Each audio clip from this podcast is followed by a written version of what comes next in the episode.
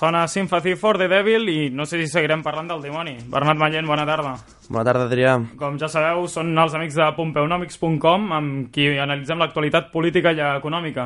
Avui vols parlar de la situació aquesta de, del nou sistema d'educació. Exacte, la LOMCE, que ha sortit l'esborrany, sembla que és país d'esborranys aquest, Sí, sí, sí. i de verd. I bé, primer, primer de tot aniré doncs, al, al típic i tòpic que gira tot el tema, que és el tema del català renegat a quarta llengua i és un cas molt greu. Això és, sigui, no és només uh, des d'un punt de vista moral que t'afecta la teva llengua, sinó uh, realment és, és un cas molt greu perquè la immersió lingüística que era el punt clau de la cohesió social, Sí, sí. doncs l'elimina i per tant trenca amb la, amb, a llarg termini i fins i tot mig termini trenca amb la cohesió social i això és molt perillós. És molt perillós simplement a, a, en termes econòmics, no només en termes socials i tot el que vulgueu, que això ja ho deixo per altres analistes, perquè, mira, posaré el cas d'un economista Premi Nobel, de fet, de l'any 1992, Premi Nobel, el Gary Becker, que fa poc va mencionar doncs, que la independència a Catalunya era viable, bé, econòmicament.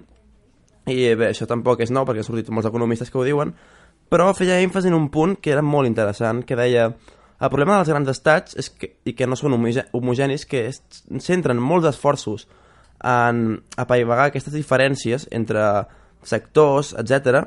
i llavors no poden esforçar-se en el que realment és de progrés pel país. Llavors, això és exactament l'exemple, la LOMCE és exactament l'exemple d'això, perquè aquí tenim una llei on, on es fa molt esforç en aquest tema, no? és a dir, en el tema del català, que és un tema de pura política, per, bé, ja sabem tot el que hi ha darrere, no? I no es fa èmfasi en el, en el que és evident, que és l'educació a aquest estat, doncs no funciona.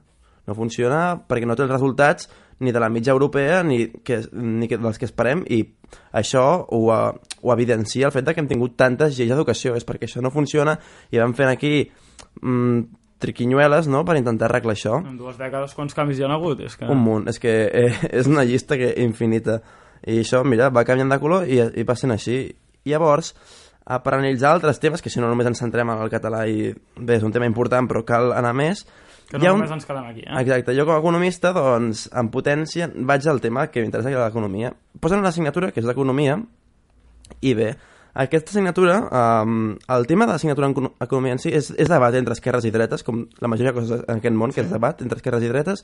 M'explicava una, una membre de l'Associació d'Ensenyants d'Economia, que simplement es dedica a això, a intentar posar aquesta assignatura, que sempre hi ha el debat entre esquerres i respecte. Les dretes prioritzen més el tema emprenedoria i les esquerres més un tema social i llavors no s'acaben de posar d'acord i al final mai hi havia assignatura d'economia. Total, ara se'n posa i com que estan les dretes amb una majoria absolutíssima, la posen enfocada a l'emprenedoria. A mi personalment em sembla bé amb un matís. No penso que sigui necessari posar una assignatura d'economia per, per fomentar l'emprenedoria. És a dir, és important posar-la per saber què és un tipus d'interès, perquè hi ha gent que surt de l'ESO i no sap què és, sí, saber què és la inflació, això s'ha de saber. Però l'emprenedoria va més enllà de l'economia. És a dir, uh, per exemple, Guy Laliberté, que era uh, un, un malabarista, va crear una empresa que es diu Cirque du Soleil, que molts la coneixeran, i ara és un dels 300 homes més rics del món. Sí, sí. I aquest no tenia ni idea d'economia, ja t'ho dic ara. És que l'emprenedoria tampoc es pot ensenyar. Exactament. L'emprenedoria, el que per fomentar l'emprenedoria, has de fomentar l'esperit innovador.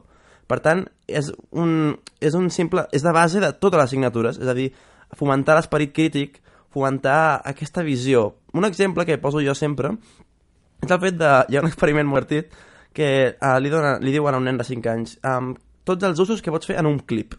I te'n diu un munt. Um, juntar papers, típic, que diríem tots. Diu obrir una porta, no? perquè si el treus i, i pots obrir la porta, diu um, també com a arma i, i multiplicitat. I a la que van passant els anys, a, a aquest nen, el mateix nen, va perdent imaginació i sap menys usos. Aquest és l'exemple clau. L'educació l'únic que hauria de fer és fer que aquest nen no perdi aquesta visió que té del món. Aquí... Que a la vegada sigui major. exactament, exactament. Si pot ser fomentar-la, però com a mínim que no la perdem, d'acord? Així com realment penso que es fomenta l'emprenedoria. Llavors anem al tema. Um, solucionarà aquesta llei els problemes que té l'educació? Jo penso que no, perquè és simplement posar esparadraps on hi ha i tocar la fibra als catalans. Per què? Perquè no crec que amb aquesta llei, ni amb totes les altres, s'elimini, el, el, per exemple, un terç de fracàs escolar que tenim. És un desastre. Sí, sí.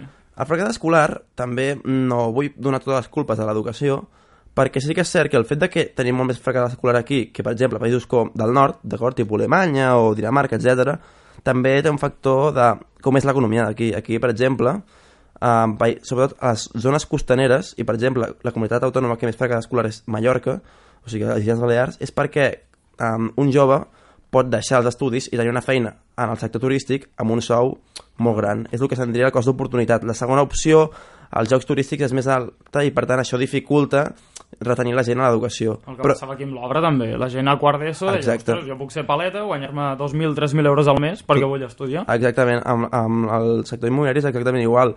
I clar, ara ens el menjàvem patates d'aquesta gent sense formació i a l'atur.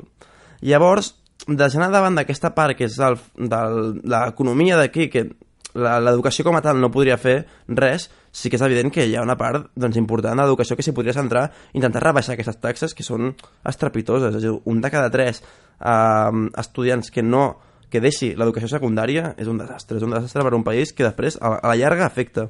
I propostes dels pompeonòmics? Llavors, a propostes, jo el que, com que no m'agrada ara que faig tercera carrera més enllà, simplement posaré casos d'èxit, d'acord? Posaré un cas d'èxit molt clar, que es veient l'informe PISA, és a dir, són dades objectives de l'informe PISA, que és el que es fa sí, sí. a nombrosos països de l'OCDE, doncs tenim, per exemple, la majoria de països que estan entre els 510... Bueno, agafaré comprensió lectora, d'acord? Més que... L'he agafat expressament, d'acord? Perquè ja que diuen que doncs, aquí doncs, no sabem parlar castellà, a veure si és cierto, no? Llavors, uh, la majoria estan entre els 510 i 480, d'acord? Mm. Um, a Espanya, per exemple, com a mitja, està al 480, doncs seria la, part baixa d'aquesta del gruix de tots els països. Um, I Catalunya, sola, agafada sola, estaria als 500, que estaria més o menys al mig d'aquest gruix de països. Mm. I tenim que la mitjana d'inversió a Espanya, uh, per alumne, d'acord? Per alumne, és, més, és una mica més alta que la mitjana d'inversió a Catalunya. Llavors, aquí els veu clarament com no hi ha re relació directa entre el que s'inverteix per alumne i, i el resultat, d'acord? Sí que hi ha una, una relació perquè es veu la regressió dels països i és evident que mm, com més inverteixes, millor és evident que una classe amb 15 alumnes és millor que una classe amb 35 com estem tenint ara, que és un desastre. Això és un... que la inversió tampoc està ben feta. Exacte, aquí està la cosa. No és només quan, sinó com. D'acord? Quant de quantitats i també com s'inverteix perquè llavors tenim el cas de Finlàndia amb una inversió doncs, realment similar, és a dir, en termes de PIB no és molt més alta, però té 540 punts, que està molt, més, molt per sobre d'aquesta. Sí, sí. Llavors, què passa a Finlàndia? A Finlàndia el que passa és que s'han fet les coses ben fetes. Aquí, per exemple, a, a l'estat espanyol, um, l'educació la controla al, més del 50% l'estat, d'acord? I a Finlàndia el que fa la, la té el municipi, d'acord? I el municipi el que fa és, no és un sistema de funcionariat, agafa un, crea un concurs, d'acord? I es presenten els directors, que són gent amb molta preparació, amb uns màsters i no sé què. És el que volen fer aquí, no? Exacte. Llavors, el director ah, escull ah, els... És com una empresa privada dins de lo públic, mm -hmm. d'acord? És a dir, té la part bona de l'empresa privada, que és l'eficiència, i té la part bona de l'empresa pública, que és gratuïtat i universalitat, d'acord? Mm, jo el que, el que vull dir és que no s'hagi d'aplicar exactament el mateix, la mateixa tipologia, d'acord? Perquè, evidentment, un, el que pot funcionar a Finlàndia no vol dir que funcioni aquí. Però el que està clar és que el que no es pot fer és anar posant esparadraps respecte al que, a aquestes lleis que no canvien res estructuralment i pensar que amb això arreglarem alguna cosa, d'acord? És a dir, jo aquí faig el símil, um, doncs mira, que és com l'equip de futbol que no té resultats mm. i va canviant d'entrenador i no li dona continuïtat i agafa un entrenador per tapar el forat d'acord? i té 10 partits malament i el canvia doncs aquí una mica el que cal és fitxar un Pep Guardiola d'acord? que, que és una, una aposta arriscada d'acord?